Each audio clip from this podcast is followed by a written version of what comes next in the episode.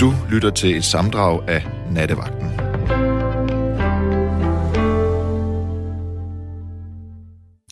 Jeg har lavet et opslag på vores Facebook-side, hvor jeg sidder med en, en vandpistol og skyder ud i luften, og så lyder teksten, at og, eller om du nogensinde har været udsat for trusler. Men nu er der altså en, øh, en vaks lytter ved havelån, som siger, at det emne, det har lige været oppe og vende. Og så tænker jeg, okay, hvis det lige har det, og der står endda en dato den 10. i 10., så tager vi altså ikke det emne. Det er ligesom at koge øh, suppe på den gamle høne lidt for mange gange. Derfor har jeg i sidste sekund besluttet mig for, at det, vi skal tale om her i nattevagten i nat på Radio 4, det er, når du, eller hvis du i dit liv har prøvet at ryge helt af hesten, og alt var bare skævt, og tæppet blev revet væk under dine fødder, og måske så havnede du i noget, der bare var så forkert, eller blev udsat for noget, der var så forkert. Hvordan kom du så op på hesten igen? Hvad var det for en situation, der gjorde, at du virkelig skred i svinget, ikke bare en dag eller en uge, men i en periode af dit liv, hvor du tænkte, shit, det sejler fuldstændig. Hvad var det, der sejlede? Og hvordan kom du tilbage igen? Det kunne jeg godt tænke mig at få at vide her i nat, kære lytter, hvis du har lyst til at dele din historie med mig. Og så tænker du måske, nå, hvorfor fandt hun lige på det emne? Hvorfor skal vi ikke tale om insekter, eller om øh, klimaforandring, eller madopskrifter, eller kæledyr, som hun ynder at tale om? Jamen, så tænker jeg, fordi lige i øjeblikket, jeg har løftet sløret lidt en gang imellem for, at øh, der sker nogle ting i mit bagland, men jeg kan godt løfte endnu en fli, og det er, jeg synes godt nok, den her tid i, min, i mit liv er noget udfordrende.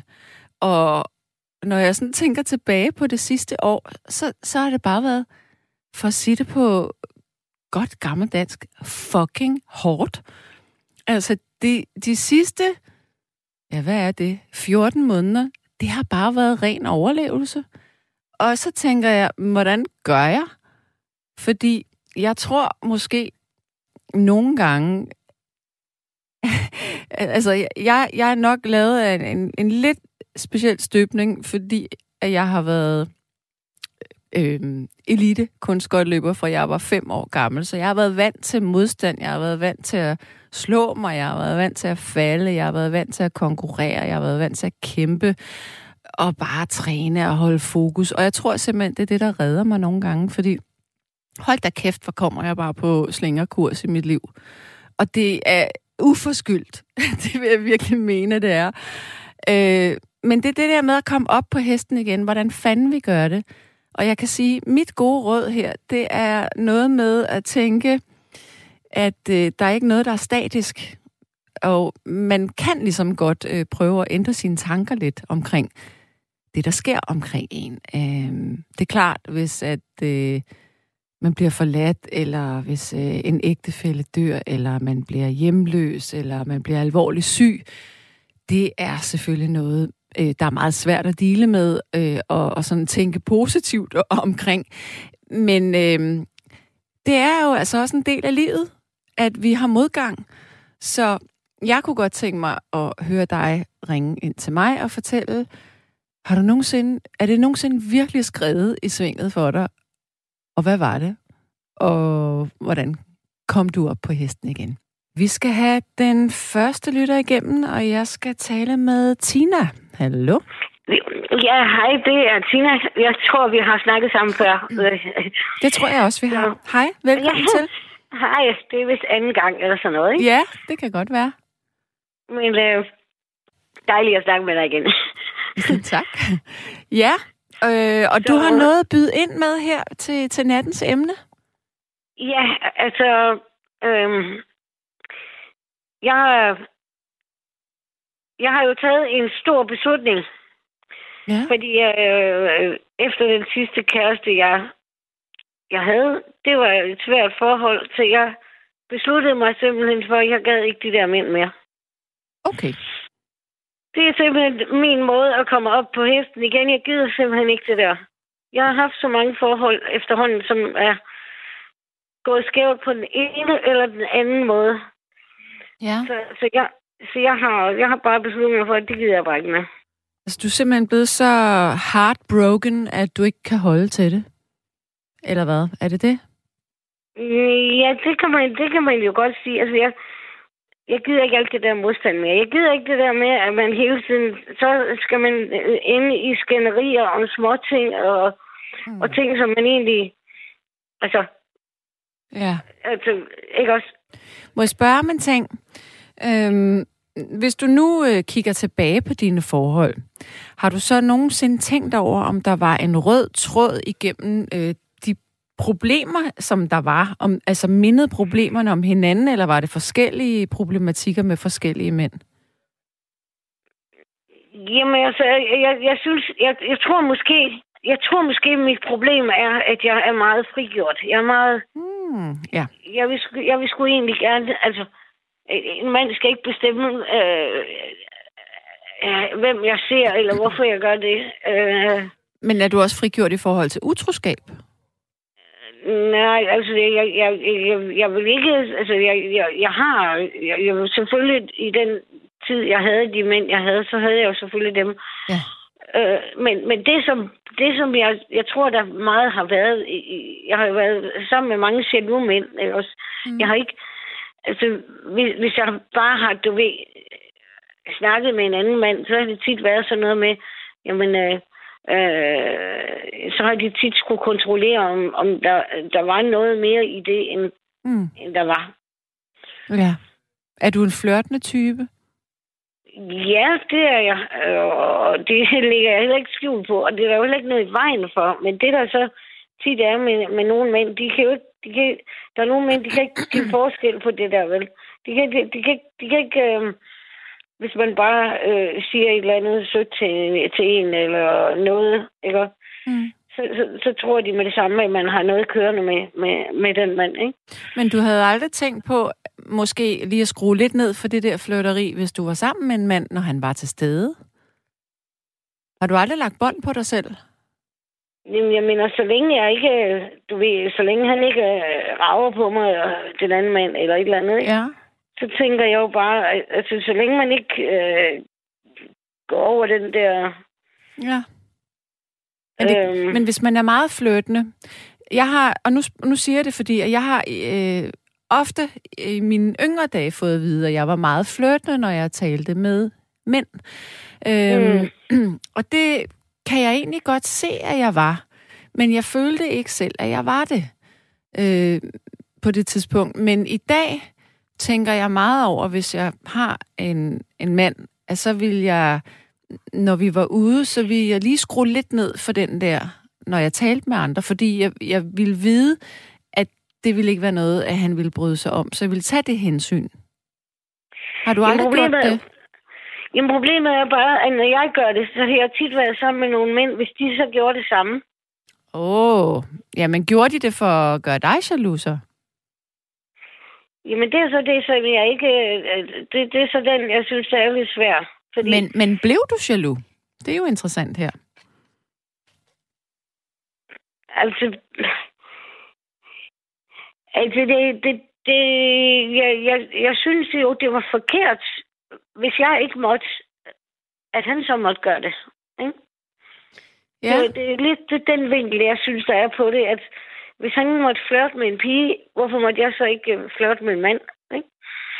Så det var ligesom sådan en, en spiral af, at man måske skulle overgå hinanden lidt, eller hvad? Jamen, det, det, det jo godt være, at det er sådan lidt af det, Ja. i det, at, at der har været i det med, med de mænd, jeg har været sammen med. Ikke? De- At, at de synes, det var i orden at flirte, men hvis jeg gjorde det samme, jamen så uha, og Mm. Ja, det lyder meget Ikke? besværligt også. ja. Men nu har du lagt, øh, nu har du lagt dem øh, på is. Jamen, jeg, jeg, jeg, jeg gider ikke at, at, at ramme ind i alle de der, som, Mm. den der magtkamp om, hvem der, hvem, hvem der kan flørte mest, eller... Nej, det lyder da også virkelig anstrengende. Så, Men- så, så, Er det måske, er, er du faldet for en bestemt type mænd, måske? Kunne det Altså, tænkes? det- altså, det, det, det, det har jeg jo sådan set. Ja, Ikke også? Altså, ja. jeg, jeg, har jo, jeg har jo flirtet, altså, jeg, jeg har jo faldet for nogen, der, der ikke er, hvad skal man sige, øh, inden, inden for normalen, hvis man kan sige det sådan. Okay. De har, de, de har haft nogle... Øh, jamen, øh, der har, været, der, der har været noget i deres bagland. Det kan være, at de har været... Den ene har været lastbilchauffør. Der har været en, der var freelance. Øh, freelance disjockey, og der har været en, der var... Øh, hvad hedder det? Han har været trommeslager. Og... Så der har været noget med, med, med nogen, der, der kunne Ja. et eller andet. Ja. Altså, det, har, det har ikke været lænestolstypen. Det har ikke været ham, der, der har sagt... Nej. Øh, Men det ville jo også være mærkeligt, fordi hvis, der er, hvis du er sådan en med saft og kraft, så kan du ikke have sådan en, en øh, sofakartoffel eller sådan en, en, Nej. en lille skødehund. Det, det vil jo, det vil jo aldrig, du vil jo køre sådan en over med det samme. Det vil du ikke Ja. Og så får du jo også øh, kamp til stregen, kan man sige, når du vælger sådan en.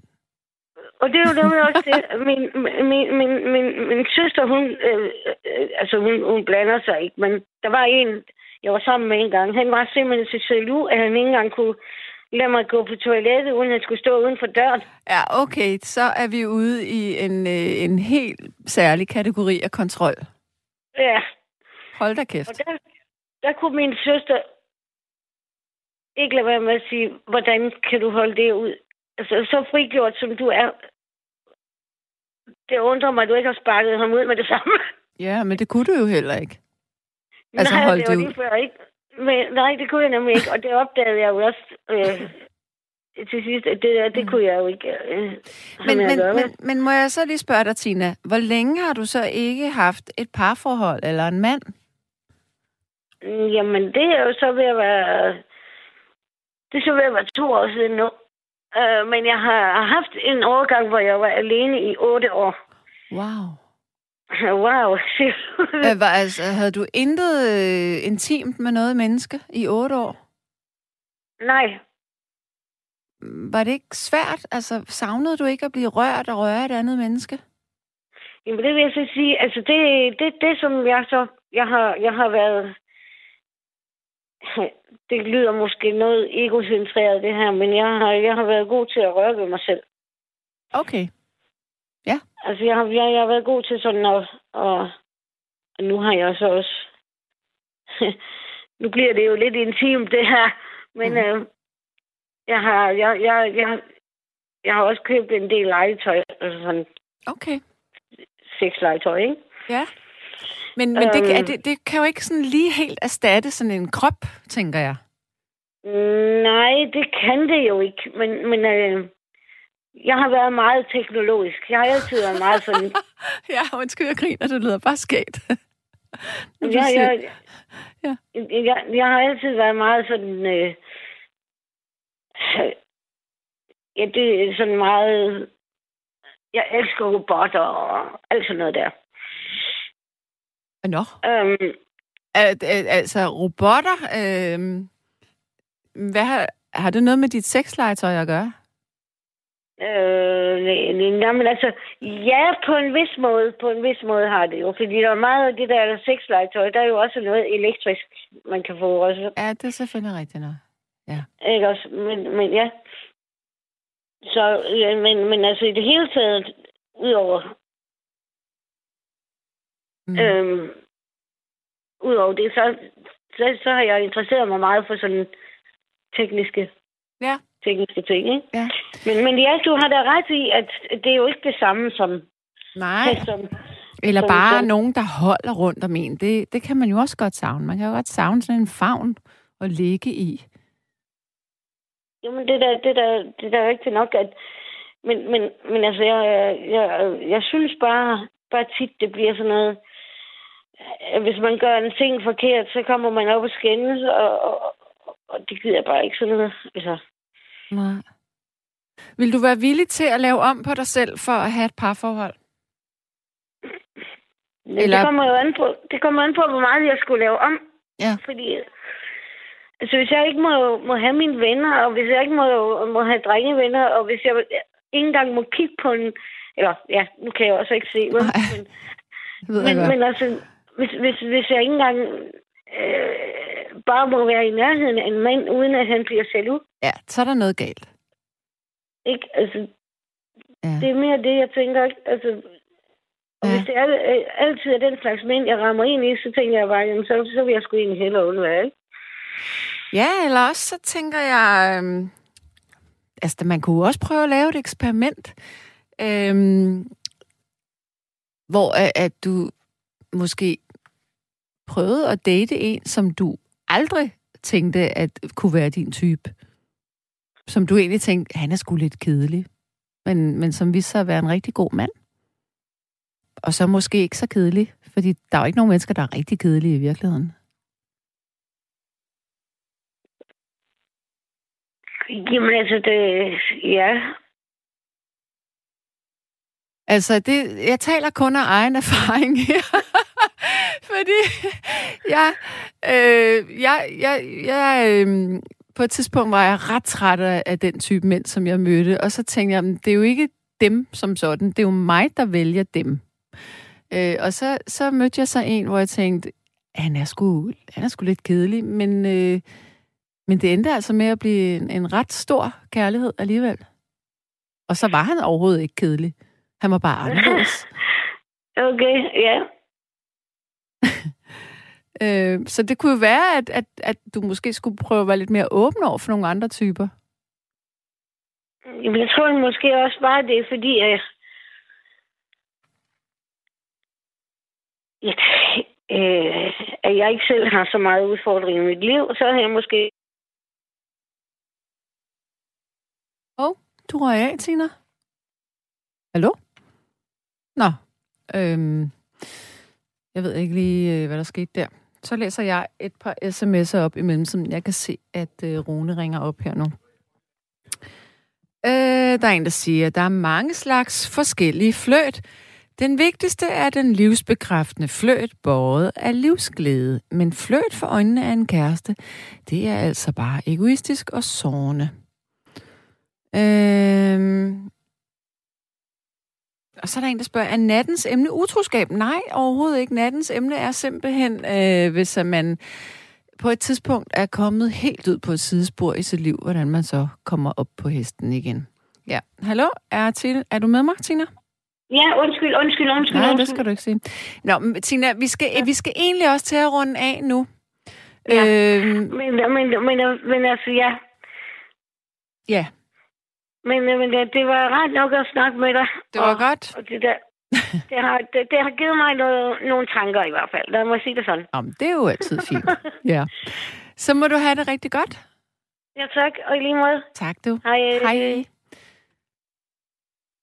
Godt. Så er der en, der spørger, jeg vil gerne vide, hvilke personlige egenskaber, som Tina sætter pris på ved en kæreste, og hvordan man øh, som et blindt par øh, tager ud i livet efter nye oplevelser, som ny energi og inspiration til forholdet. Ja, det er noget, jeg så desværre ikke at spørge om. Øhm, lad os se her. Der er en, der siger her. Jeg var nede, alle døre lukkede. Depression. Jeg bad til Gud, jeg er nu helt frisk med venlig hilsen, Jørgen. Ja. Kæreste Sanne, jeg elsker dit emne for natten. Jeg er selv midt i det og, med, og vil med stor forventning lytte med. Tak for dig, kærligheden Susanne. Jamen, tak for det. Så håber jeg, at øh, jeg får nogle samtaler, som øh, kan bidrage lidt til noget klarsyn. Ja. Så er der en, der siger, kære Sanne, Øh, kan godt være, at du har haft et hårdt år, men hvor tager jeg bare hatten øh, endnu mere af for dig, når du så samtidig havde overskud til at række hånden ud og skrive klumme i medierne om hende, der ringede ind vedrørende tvangsfjernelse. Bare man havde en fli af dit overskud af energi. Kærlig hilsen, den tidligere studerende fra Viby J. Tak, det var sødt sagt. Ja. Men det er jo det, der er så mærkeligt. Fordi hvis man roder i sin egen navle hele tiden, så bliver tingene jo bare værre. Øhm, altså, i øjeblikket, der øh, arbejder jeg på et øh, stort hospital øh, nogle gange om ugen. Og det er sindssygt hårdt på nogle afdelinger. Og, øhm, og, men, men, men samtidig så er det også bare sådan, det er vidunderligt at ikke skulle forholde sig til sig selv. Det her med at, at tage fokus væk fra sig selv, og så over i noget andet eller nogen andre. Og det er måske også sådan en god øh, planke nogle gange at have. Og det har jo ikke så meget med overskud at gøre i virkeligheden. Det er jo bare at skifte fokus, tænker jeg. Ja, nu skal jeg ikke sidde her og lyde højhellig, fordi jeg har jo lige indledt programmet med, jeg synes, at det har været et hårdt år. Godt. Øhm, og så er det Smedebassen, han har skrevet på sms. God rigtig pæn aften på nattevagten. Kvinden, som er igennem nu. Dertil vil jeg sige, at det ikke er alle mænd, som er sådan. Mm. Nej, det er det nemlig ikke. Der er også øh, mennesker, der overhovedet ikke er jaloux. Altså, det kan jeg ikke forstå. Jeg har altid sagt, nej, jeg er ikke jaloux, jeg er bare lidt besiddende. Jeg synes, der er ret stor forskel. Ja, hvis du lige har tændt din radio, så er du altså røget ind på Radio 4. Du lytter til Nattevagten, og jeg hedder Sanne Gottlieb.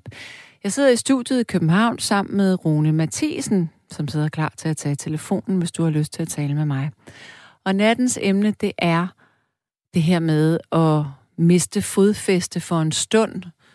Måske ikke bare en time, eller en dag, eller en uge, eller en måned, men øh, et godt stykke tid, hvor man tænker, at nu er livet simpelthen bare så udfordrende på fra alle sider. Når man ligesom har puh, har fået slukket en ildebrand, så starter der fandme en ny. Altså, kender du det? Og, og hvad gør du så for at komme igennem de her ildebrænde, uden at knække halsen fuldstændig? Fordi det går jo ikke. Man skal jo, man skal jo for pokker stå oprejst. Eller i hvert fald rejse sig igen. Nu skal vi lige se her. Godt emne, Sanne. Jeg har engang overvundet et smertehelvede og mistet alt. Lige indtil jeg selv tog kontrollen. Med venligheden Thomas B. Jamen, det kan jo være, at vi skal have den historie lidt senere. Nu skal vi have en ny lytter igennem, og det er Mark. Hallo? Ja, hej. Hej med dig. Nu bliver jeg lidt personlig først. Du har sunget i Poets, ikke også? Jo, det har jeg. ja, deres første trommeslager hed Flemming Borby, og han er en gammel, gammel kollega og ven, som jeg har spillet i band med, og, og stadigvæk spiller med, med jævne mellemrum. Så det er lidt sjovt.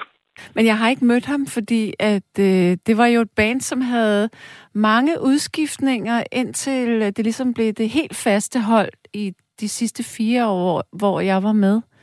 Men ja, jeg kender ham ikke, desværre. Nej, han kender heller ikke dig, så... Nej. Det er bare lidt pudsigt. Ja, det er det. Men okay, det er ikke det, der er emnet. Det er så, at man har været down out, ikke også? Ja. Ja, og det har jeg virkelig. ja, der kan du tale med her.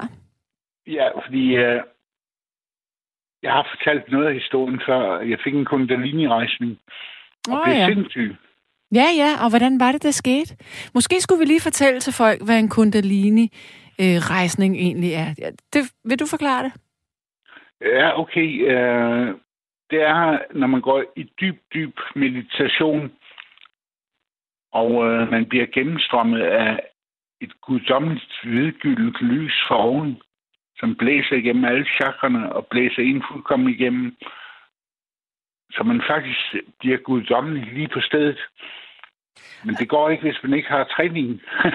og man kan faktisk, der er inden for øh, noget yoga og meditation, der er der nogle bestemte øvelser, hvor at man sidder og ligesom, øh, man hopper lidt op og ned, fordi at man skal vække den her slange kundalini-energi, der skal løbe op langs med rygsøjlen, helt nede fra det, man kalder rødchakraet.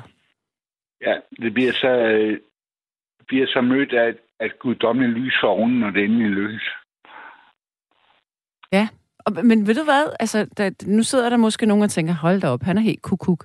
Men hvad folk ikke ved, det er, at jeg er faktisk uddannet yogalærer. Og jeg kan Ja. huske min gamle yogalærer, det var en tusse gammel dame. Hun fortalte nemlig om det her med kundalini-energien, at den var skide farlig, hvis man ikke kunne kontrollere det. Mm. Og det er jo det, du har Helt oplevet. sikkert. Helt sikkert, altså. Jeg blev bindegal, altså. På hvilken måde gjorde du det? Forestil... Jeg fik alle mulige forestillinger om dommedag og, og, og læste Bibelen hele tiden. Og, ja, Du blev simpelthen det gik, paranoid. helt, det gik helt galt. Jeg gjorde noget rigtig dumt, som jeg helst ikke vil sige. Okay. Men altså, hvis man er tro mod sig selv, så kan man komme igennem det. Mm-hmm. Ja, fordi ens inderste kerne, det, det er ren fred, altså. Det er ren kærlighed. Mm. Men hvordan finder man ind til den fred og kærlighed? Det kræver noget træning. Hvad gjorde du helt konkret? Altså, jeg begyndte at komme i et spirituelt center og gå til studiekreds og lovsang og begyndte at meditere igen, og Mm. det har så gjort i 33 år. Ja. Så det har givet den ballast, der- gør, at jeg kommer ovenpå, altså. Ja, er, er kasketten ikke lige helt ryger af igen? Ja, for pokker, der skal den ikke. Men Mark, du har også skrevet, fordi jeg så en sms, hvor du skrev, at jeg, jeg har ikke nået at læse den op endnu, men, men du har været ved at blive slået ihjel. ja, to gange. Hvor- Hvordan? Den ene gang var, var en, som var psykotisk, Mm. Som knaldede mig ned i nogle fliser med hovedet forrest. Jeg har stadigvæk en flænge ah, foran i panden. Det var da Der var forfærdeligt. blod overalt, der var bevidstløs et døgn, og det var rent mirakel, jeg overlevede. Var det før eller efter din kundalini-ting? det var efter. Okay, efter. ja. Og anden gang, så var det, så var der nogen, som stjal min mors penge efter hendes død. Der. Nå, hvem, hvem Og gjorde mig det? ihjel øh, med... De placerede... Altså, jeg tager hellig aske. Du hvad? Vibuti. Jeg tager hellig aske. Vibuti, som det hedder. Ja. Det er det, buddhisterne, de bruger. en- Hvad siger du? Er det ikke det, buddhisterne, de bruger? Ej, det er kum kum. Det er Nå. sådan en rød prik. Men det er noget af det samme. Okay, ja. Men de har altså placeret sådan noget hellig aske, blandet op med crack i min mors bil. What? Hvem havde gjort det?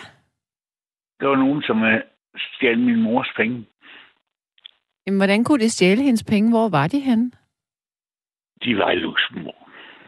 I Luxembourg?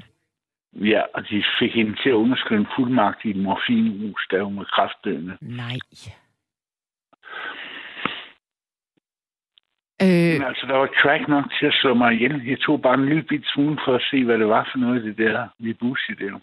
Nej. Så det er sindssygt på stedet, altså. Jeg har kørt vanvidskørsel over hele Fyn, altså. Og Det prøvede at blive indlagt, og de ville ikke have mig ind, fordi de sagde, at jeg var på noget, og jeg anede ikke, hvad der skete. Altså.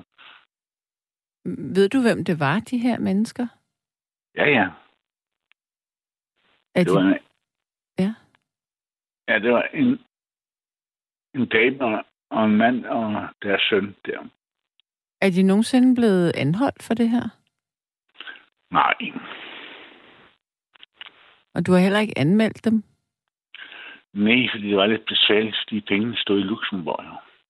Men man kan jo stadigvæk godt se nogle banktransaktioner. Ja, ja, men øh, det, det, jeg, jeg bad øh, min, min, øh, min svammer, altså min, øh, min gode ven, øh, Sai Baba, om at, at finde bevis på, at de har stjålet pengene. Og så går jeg straks over i skrivebordskuffen og finder en kvittering på pengene der. Okay. Altså, du har simpelthen mødt ringer jeg. Baba? Ja, flere gange. Men øhm, altså, hvordan har du det med, at Sai Baba i sidste ende blev afsløret som en svindler? Det gjorde han ikke. Det er pur opspændende. Slår dig med min sko, hvis du siger det igen. det må du ikke. Jeg siger kun, hvad jeg har set i fjernsynet. ja, men det var det pure opspændende, altså. ja. Men hvorfor tror du, at, øh, at, at der var nogen, der havde behov for at, at give ham det eftermæle? Altså, det, det er det, der sker, når folk ikke kan klare freden, og de går den såkaldt spirituelle vej. Mm. Og når de så ikke kan klare, at der er fred hele tiden, så finder de på alt muligt vanvittigt, som jeg også skrev den anden dag. Mm. Altså, det er fuldkommen psykose, altså. Ja. Den mand, han har givet rent vand til det meste Indien, og hospitaler, og skoler, og universiteter, og lægeklinik over hele verden, og den største humanitære organisation på jorden nu til dags, altså. Det skal jeg slet ikke kunne udtale mig om. Du, jeg ved det jo ikke. Øh, det ved du bedre, end jeg gør. Ja. Øh, der er en, Ina, hun skriver her, øh, hvorfor siger I, at kundalini er farligt? Jeg har læst, at det er helt ufarligt. Hvorfor, hvad vil du forklare her? Altså, det er ikke ufarligt. Hvis man ikke har træning, så bliver man bindegal. Ja. Sådan er det. Ja. Man skal have en vis spirituel træning, før man overhovedet våger sig ud sådan noget. Jeg kan anbefale lysmeditation, meditation på en flamme, man fører rundt i kroppen og til, til alle, man kender, og til venner og fjender, og det sidste oplyser hele verden med. Den er ufarlig. Mm. Det der med kundalini-meditation, den er noget tvivlsom. Ja. Ja. Øhm, jeg sidder lige, øh, mens vi lige taler nu, jeg sidder lige og prøver at forklare med nogle, øh, eller læser mig til, om jeg kan prøve at forklare med nogle, øh, nogle øh, øh, andre ord, hvorfor det er, det kan være... Altså, det er jo ikke... Det, det, som der står her, det er, at problemet og udfordringen er, at når vi giver slip ind i de her energier, så kan det virke meget voldsomt, og man kan opleve stor fysisk smerte, og kontroltabet kan virke meget skræmmende på vores personlighed. Mm. Og det er måske i virkeligheden det her med, hvordan er man... Øh, altså, at det, det er farligt på den måde, at det kan sætte nogle ting i gang, hvis, man, hvis der er ting, man ikke har bearbejdet måske på forhånd. Kunne du tænke, at man kunne Lige forklare præcis, det sådan? lige præcis, fordi vi har alle sammen vores skyggesider. Ja. Og de vil jo de vil dukke op med 100-fold kraft, altså hvis man har fået en kundalini-rejsen. Ja. Hvis man ikke er afklaret med sin skyggesider. Det vil sige, at der er en masse øh, forarbejde, man bør lave, inden man overhovedet arbejder med kundalini-energi. Altså, jeg vil slet ikke anbefale at arbejde med kundalini-energi. Jeg vil anbefale lysmeditation, helt sikkert altså. Man skal ikke, man skal ikke ligefrem stræbe efter at få en kundalini-rejsning. Det, det, det er en rigtig dum idé, altså. Mm. Ja, det er ret vildt, altså, at vi, at vi indeholder de ting. ja, vi har faktisk alting inde i os. Vi skal bare finde frem til det. Det, der kan hjælpe os i hvert fald. Jamen, der er et ord, der er magisk. Ruhe på Hvad? tysk. Ja, på roe. Ja, ro. Ja. Jeg troede sgu lige, du sagde roe. Ligesom sådan en, en roeknold. Det er, det er ikke så spirituelt. der er et meget, øh, der er et meget øh, spirituelt ord. Det er simpelthen øh, knold og kartoffel. Altså, vi, vi er helt derude. Nej, roe, ro, ja. ja. Så man kan forholde sig til sine knolde og kartofler. Eller til sin egen knold. Ja. Ja. Nå, undskyld, jeg afbrød. Hvad vil du sige med det der roe? Nej, men det er jo det. Altså, når vi når ind til kernen af selv, så er der fuldkommen fred. Så er der fuldkommen lyksalighed. Mm. Jamen, det er det her med, hvordan vi så gør det, fordi der er jo der er mange måder at gøre det på. Altså, der er jo nogen, ligesom dig, du mediterer, eller øh, laver lysarbejde, som du kalder det, men der er jo også andre, som bare nyder stillhed, eller at strikke, eller gå en tur i naturen. Det er absolut også prisværdigt. Ja. Ja. Så man må, man må Altså, ligesom finde alt- ud af det. Alt, alt, alt det der, alt der får en til at blive en selv, virker. ikke? Ja. Altså, Så du har aldrig det- mistet dig selv er, når- siden, eller hvad? det var on and off i mange år, Mm. mm. indtil, jeg, indtil jeg blev fuldkommen afklaret. Altså. Ja. Nå. Øhm, godt. Jamen, ved du hvad, Mark? Jeg runder af med dig nu. Okay, Kan du have det godt? lige måde. Tak. Hej. Hej. Ja, der er en, der siger, øh, hvad inde i os? I er meget indforstået lige nu. Hvad er det for en kundalini-energi, I taler om? Um, det er rigtig svært at forklare, fordi det er ikke fordi, at jeg er total ekspert på det her, men, men altså, kundalini, nu skal jeg prøve, jeg bliver nødt til at læse op, fordi at ellers så, jeg kan, jeg kan sgu ikke forklare det med mine egne ord. Øjeblik. Jeg skal lige finde en side, der lige forklarer det lidt her. Der bliver sagt, kundalini, den indre hel, helbredende kraft. Øhm, øh, bum, bum, bum. Altså, ved en bestemt meditation, så stiger kundalini, som ligesom er sådan en slangeenergi, op fra korsbenet langs med rygsøjlen og ud igennem, eller ud igennem isens bløde punkt på toppen af hovedet. Og hvor energien forener os med den livskraft, der gennemstrømmer alt liv. Denne forening kan fysisk mærkes og føles som en kølig brise ovenover hovedet eller i håndfladerne. Når dette sker første gang... Øh, ej, det skulle sgu for indviklet, det her. Altså, så står der, en elgammel viden fortæller om menneskets dybeste spirituelle kraft. Denne kraft er indbygget for fødslen. Den nære, helbreder og renser os, og den passer på os, og den ved alt, hvad vi gør. Øhm, og det er denne kraft, som kaldes kundalini.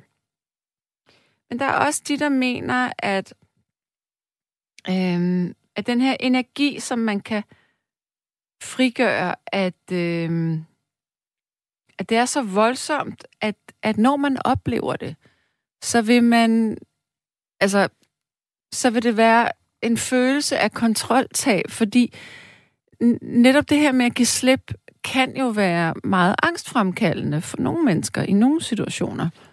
Øhm, og, og det var det, som Mark og jeg, vi talte om, at, at hvis man oplever det her med den her energifrigørelse, så det, der ligger i en i forvejen, altså det, der ikke er bearbejdet, det er det, der vil komme frem, og det er det, som kan være udløsende for, ja, man kunne vel godt kalde det en form for psykose eller en angsttilstand. Det er sådan set det. Men nu skal vi have en trofast lytter, og det er Jørgen fra Fanø. Hallo? Hej. Hej. Nå, hej. Hej, Sanne. Jeg tænker meget på dig, skal du vide. Det ved jeg, du gør, og det... Og jeg, og jeg mener, vi har det, det er nogenlunde på samme måde. Du og Og, jeg? jeg kan, for- og ja, i livet. Ja. Og jeg kan fortælle dig, at min mor har været en satan over for mig. Har Da hun min det? far, Dr. Vestgaard, døde, så sagde hun til mig, at det var mig, der skulle tage over. Og det er ikke noget, jeg spørger dig om. Det skal du, sagde hun. Det holdt jeg ud til i tre år. Hvordan tage over? Ja, det var mig, der skulle. Hun var jo manisk depressiv. At det var mig, der skulle passe hende og, og gøre hele hjemmet Ja. Ja. her på Faneø. Ja, Og hvor gammel var du på det tidspunkt? jeg var sgu 20 år. Jeg kom på kostskole. 19 år. Jeg har Mhm. været på Herlufholm, siden Ja. jeg var e- 11 år. Min far sendte mig derover, fordi han var klar over, at det var gik galt. Og det var jo faktisk virkelig fint, at din far han tænkte sådan. Ja. Det har været min redning. Han vidste jo godt, at hvordan forholdene var. Ej, hvor hårdt, var? Han var, en, han var 41 år, inden han giftede sig, og så tog han lige den forkerte. Ja. Ja. Men du Ja. blev født, og det var jo godt. Ja. Og så fik jeg min fars efterfølger en henvisning til en psykiater i Ribe, som jeg kon- konsulterede. Det hed Lemmergaard, der jeg konsulterede. Hver 14. dag, der fik jeg så nogle bruxal nervepiller. Mhm. Men jeg tog, jeg tog dem væk. Jeg gemte dem. Ja. Og så var der en... Vi kom sammen med en optækker massen her på Fanø. Og så døde han et år før min far, og så flyttede på massen til Skive, hvor de kom fra. Mhm. Og så sagde fru Madsen til mig, Jørgen, du er altid velkommen hos mig. Nå. Og så da min far døde, der lå hun også lige. Så sagde hun, fru Madsen, hvad skal vi dog stille op med hende? Så sagde jeg, jeg ved det sgu ikke. Jeg Nej. tager hende op at, at tre uger hver år, og Jørgen, så har du fri. Ja, Mm. og det gjorde hun så, og så vidste jeg jo, at hvordan det var. Ja. Så året før, efter de tre år, hvor jeg havde holdt ud til det, og jeg var klar over, at jeg kom ikke levende ud af det her. Jeg kunne jo slet ikke snakke med hende om. Hvis jeg sagde, at jeg ville gerne rejse, så sagde hun, du ved, hvad jeg har sagt, Jørgen, og, og det ligger fast. Var, Så du, var du bange for hende? Eller var du bange for, hvad hun ville gøre ved sig selv? Ja, det sidste. Ja. Ja, jeg havde hende jo. Mm. Og så øh, havde jeg jo 100 truksal. Men, men hvorfor havde du hende?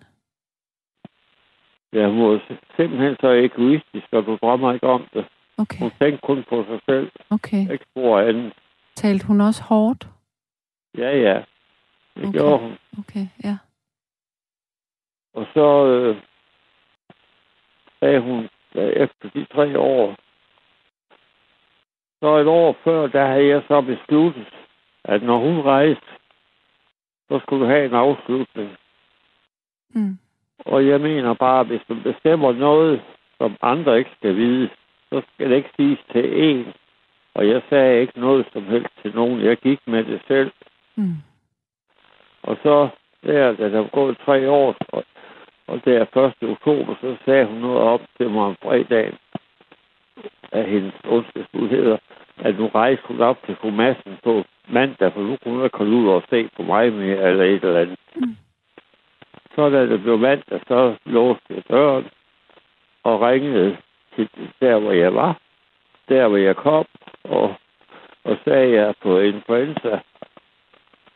Og alle steder, der hvor jeg plejer at have min omgang, sagde jeg, at jeg havde fået halsbetændelse eller et eller andet. Mm. Mm. Så tog jeg, så havde jeg gemt de truksale. Så havde jeg jo 100. Dem tog jeg så, Ej, ja. Så vi, så var det mandag, så sov jeg til fredag. hold og da vågnede op fredag middag. Og hele sengen og hele mit værelse, det var fuld af rød. Jeg havde kastet op i det. Nej. Og hvor gammel var Ja. du der? Så havde jeg været en 23. Nej, nej, nej.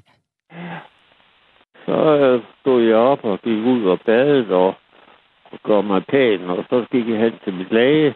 Men må jeg lige spørge, vil du tage dit liv, eller vil du bare have fred? Ja, jeg ville have, have været ud af, for jeg vidste ikke, jeg vidste med mig selv og 100 procent, at jeg kommer aldrig levende ud af det forhold her. Hold nu vildt. Altså, nej, hvor sindssygt. Ja, Men var du ikke glad, da du vågnede op?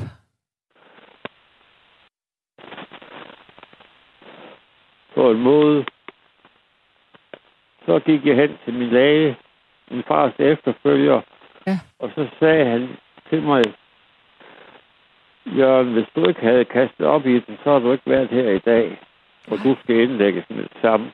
Mm. Så blev jeg indlagt, og var der en uge, og så kom hun hjem på Skive, sammen med fru Madsen, de, hun blev kaldt hjem. Og så sagde hun, ja, det var fordi de fine mennesker, hun kom sammen med, ikke havde gjort noget for mig. Det var derfor, jeg gjorde det. Okay. Der er nogle mennesker, de kan jo ikke se splinten i deres, Mm. deres eget liv, men, Mm. men øh, forlæ kan kun se det hos alle andre. Og så kom min, fra min arbejdsplads, kom de også direktør og kontorchef for de forskellige, og var så nervøs på, at det var deroppe, der var noget galt. Ja. Men det kunne jeg sige, det var det ikke.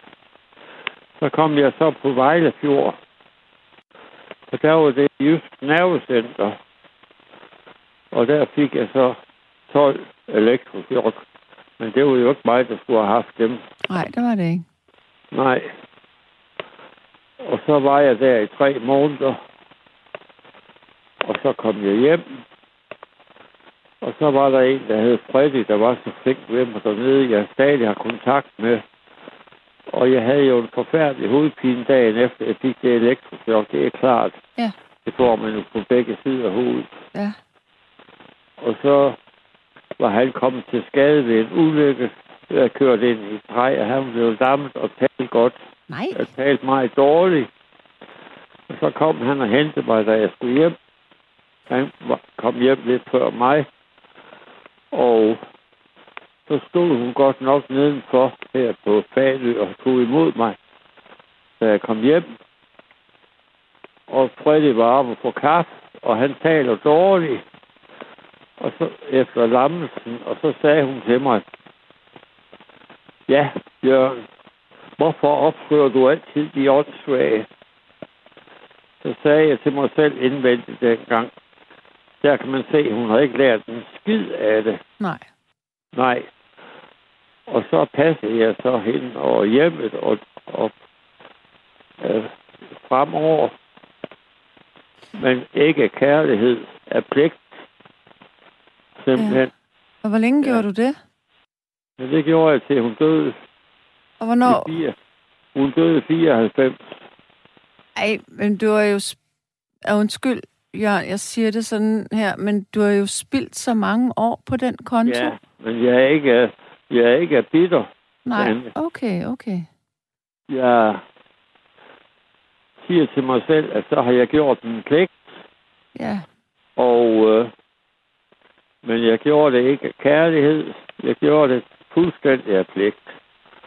Og øh, siden jeg vågnede op, har jeg aldrig tvivlet på, hvor herre hjælper mig. Aldrig. Og jeg beder i hvert fald min aftenbøn hver dag, og takker vor herre for, at han står mig bi med det hele. ja. Ja. Du har aldrig fortalt det her til mig før. Nej, det har jeg ikke. Det har jeg ikke. Jeg fortæller det ikke til hvem som helst. Men Nej. nu fortæller jeg dig det. Tak. Hvor Det voldsomt. er også en, en tillidssag. Ja. Men, men jeg bliver næsten helt trist ved tanken om, at du jo du fik jo aldrig en hustru eller børn. Nej, men jeg har haft mange kærester. Nå, det er godt. Jeg har mange damebekendtskaber. Nå, så er jeg mere rolig. Men, øh, men der var jo ingen, der var velkommen her i hjemmet. Nej. De var jo vasthus tøse alle sammen. Mm. Og mine venner har aldrig været her før. Hun gik bort. Nej. Men der var 150 med til hendes, til hendes begravelse, og alle sagde, vi kommer for din Jørgen. Jeg tror, alle her på fanen dengang, de vidste, alle vidste, hvad de havde. Hvor er det underligt. Det har jo været en stor løgn. Altså, du Ja. ville det ikke, Ja, og andre gjorde det kun for dig, og i virkeligheden var der slet ikke nogen, der ville. nej, Mm. de kom for min skyld. Ja. Jeg har mange venner her på fanen. Ved du hvad, Folk, Jørgen? er, Jørgen, folk er glade ved mig. Ja. jeg har tænkt på en ting. Hver gang, at øh, jeg taler med dig, så skrætter din telefon meget. Er det, er det en fastnet-telefon, du har? Nej, Ja, det er ikke. Det Det er en mobil. mobil. Mm. ja. Ja, lige nu er den fin, men den... jeg, har, jeg har mange venner i hvert fald, og tit blev jeg kaldt ind på min arbejdsplads, hvor jeg var i 32 år. Det var i hvert fald to eller tre gange, kan jeg huske, hvor direktøren sagde, er der noget galt, Jørgen? Du ser så trist ud. Er der noget galt her, eller Mm. noget, vi kan gøre for dig? Så må jeg jo sige, nej, det var hjemlige problemer. Ja. Sikke en voldsom Så- fortælling, Jørgen. Så i dag, så sidder jeg i en kæmpe lejlighed på 138 kvadratmeter med hele familiens efterladenskab, og der er møbler og sager helt fra, fra 1700-tallet. Ja. Og det kan jeg så glæde mig over, at jeg har gjort min pligt på den måde. Ja. Men det har ikke været en dag af kærlighed. Det var det ikke. Efter hun sagde det der, hvorfor opfører du altid de åndssvage, så sagde jeg til mig selv, kan man se, hun har ikke lært en skid af det. Nogle Men gange... Jeg har, aldrig, N- jeg har aldrig, Undskyld. jeg har aldrig tvivlet på, at du her hjælper mig. Det er dejligt, at du har det, Det har jeg. sådan. Ja, det har jeg 100 procent. nogle gange så tænker folk ikke over, i hvert fald øh, med yngre mennesker, hvor, hvor meget ord de kan betyde. Ja. Hvor meget det kan ændre ind i en. Ja. Min far var 41 år, han ville aldrig have været gift, så tog han skulle forkert. Mm. Som, hun kommer på Brost, og ved Aalborg, hvor hendes far havde en forretning. Hvorfor søren? Men... Og der er flere deroppe der har ringet til mig og sagt, vi har simpelthen stået af dig, Jørgen. Men du skal ikke tro, hun er lettere i hendes unge dag. Så sagde jeg til den, nej, det var jeg også godt klar over, hun ikke var. Men det, er jo også, det har jo også været rigtig hårdt for hende selv, fordi dengang kunne man jo ikke behandle øh, maniodepressivitet på samme måde, som man kan i dag. Nej, men det blev jo holdt skjult i min fars tid, så hun fik jo alt det nervemedicin, som ja. hun kunne tyde i sig. Hun havde en flaske med noget nervemedicin, og hun kunne få alle de flasker, hun havde, og hun var galt for mig og galt for min far, så tog men, hun men en var, slurk. Var hun ja. aldrig glad? Var hun altid bare deprimeret jo, og medicineret? Hun var glad, når hun var højde på ja, i selskab. Ja. Nå, for sådan. For hun var også narcissist, eller hvad? Hvad? Så hun var også uh, sådan narcissistisk og ville have opmærksomhed? Ja, ja. Når hun var til fest, og hun var midtpunktet, så blussede hun op. Hun var jo en flot kvinde. Det var hun. Ja. Når vi var på hospital i København, for mit dårlige ben, der var jeg 32 gange og alt det der. Og så var vi inde ved Jakob Olsen og Fondsbæk og det hele, og hun købte de fine, fineste kjoler, og det skulle sendes til Dr. Vestergaard på Fagenø. Men så hun kom hjem med den. Så havde, var det ingen interesse. Så fik de unge piger kjolerne. Ja. Og min far betalte for det. Ja. ja. Ja, Fondesbæk, det var sådan en fin ja. dameforretning. Den findes jo ikke mere. Nej, og Jakob Olsen. Ja, den kender jeg så ikke. Nej, du kan tro, det var et cirkus. Ja. Du kan tro, det var et cirkus her. Da. Ja. Men... Hun var en, hun var en satan. Ja, og, det, og der, ofte er der nogen, der siger, at man må ikke tale grimt om de døde, men det må man altså godt. Fordi ja, man, er, man, er, man er ikke øh, heldig, fordi man ikke er her længere. Hvis man har opført sig skidt, mens man levede, så, har, så er det bare sådan, det er, og så må man godt tale grimt om dem, der har gjort det. Ja. Så jeg tvivler aldrig på, hvor her nogensinde. Mm. Det gør jeg ikke. Så det er din redningsplanke. Det er Gud. Det har det været siden, den, siden ja. jeg vågnede den fredag. Mm. Mm, mm. Og hvis jeg ikke havde kastet op, så det var her, det ikke ville af med mig. Det var godt. Så derfor er jeg glad for at komme på Vejle Fjord. har lige været der i tre måneder. Ja. Og spare penge sammen igen, så tager jeg det også til. Ja. Ja. Nu vil jeg læse nogle sms'er op til dig. Fordi ja. det er om dig. Der er en, der skriver her. Kæmpe respekt til Jørgen. For fanden da, hvor er det et fantastisk program. Der er plads til alle. Tak for det.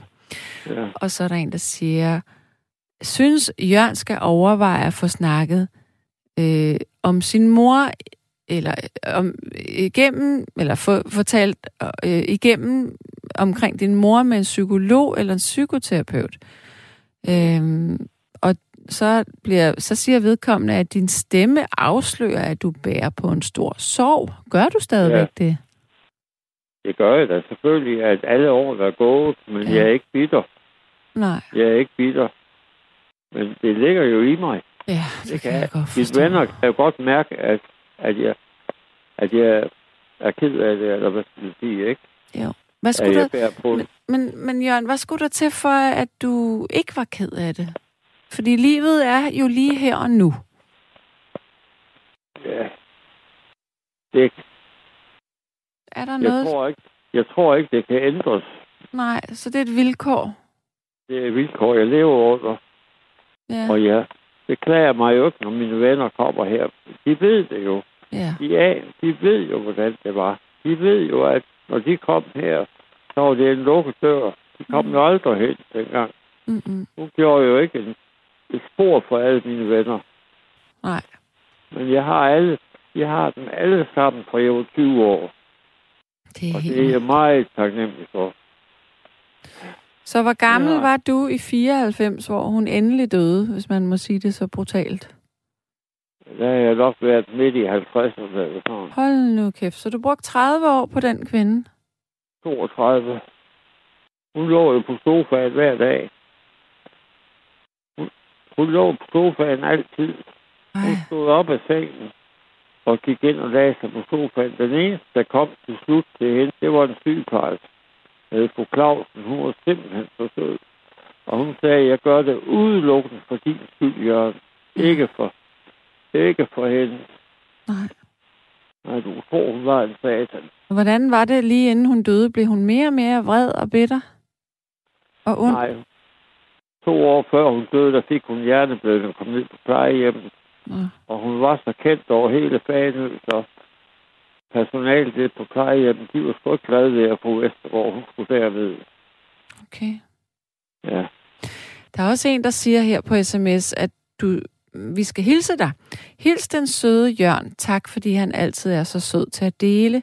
Jeg tror, at hans fortælling kan give mange inspiration til eget liv, og jeg sender ham de bedste tanker. Kærlig hilsen, den tidligere studerende fra Viby J. Er der en, der siger. tak for det. Ja. Jeg, har, jeg blev også meget elsket over på Vejle Fjord. Det var et sandt paradis for mig, Ja, kan jeg godt sige dig. Jeg var der i over tre måneder nu her. ja. Det ved jeg, du Ja. var glad for det. Men det var dyrt. Ja, Mm. det var dyrt, men dejligt. Dyrt, men dejligt. Og Skønt. de var så glade ved mig alle sammen. Men Ja. jeg er ikke bitter i dag, Sanne. Og det er godt. Men jeg har jo, jeg har jo min bemand. Folk kan jo mærke, at jeg har bagagen med. Ja. Og folk kan jo mærke, mine venner kan jo mærke, at jeg bærer på noget. En sorg, ikke? Ja. Det kan ikke bortforklares. Det er klart. Men min far var 41 år, og han giftede. Vi ville aldrig have været gift, og så tog han den forkerte. Ja, han var nok forblændet af skønheden. Ja, og, og når der var fest og dans, og hun var med til det, så var hun jo midtpunktet, fordi hun var jo en flot kvinde, Mm. og så knagende godt ud, og kunne få alle de kjoler og alt det. De var til lægekongres over i København en gang, Ja. kan jeg huske, og der fik hun sygt en kjole til 25.000. Nej. Og de sagde derovre bagefter, ja, fru Dr. Vestergaard på Fanø var den flotteste af alle damerne. Så det var lige noget, der passede hende. Nej. Lyder det vanvittigt?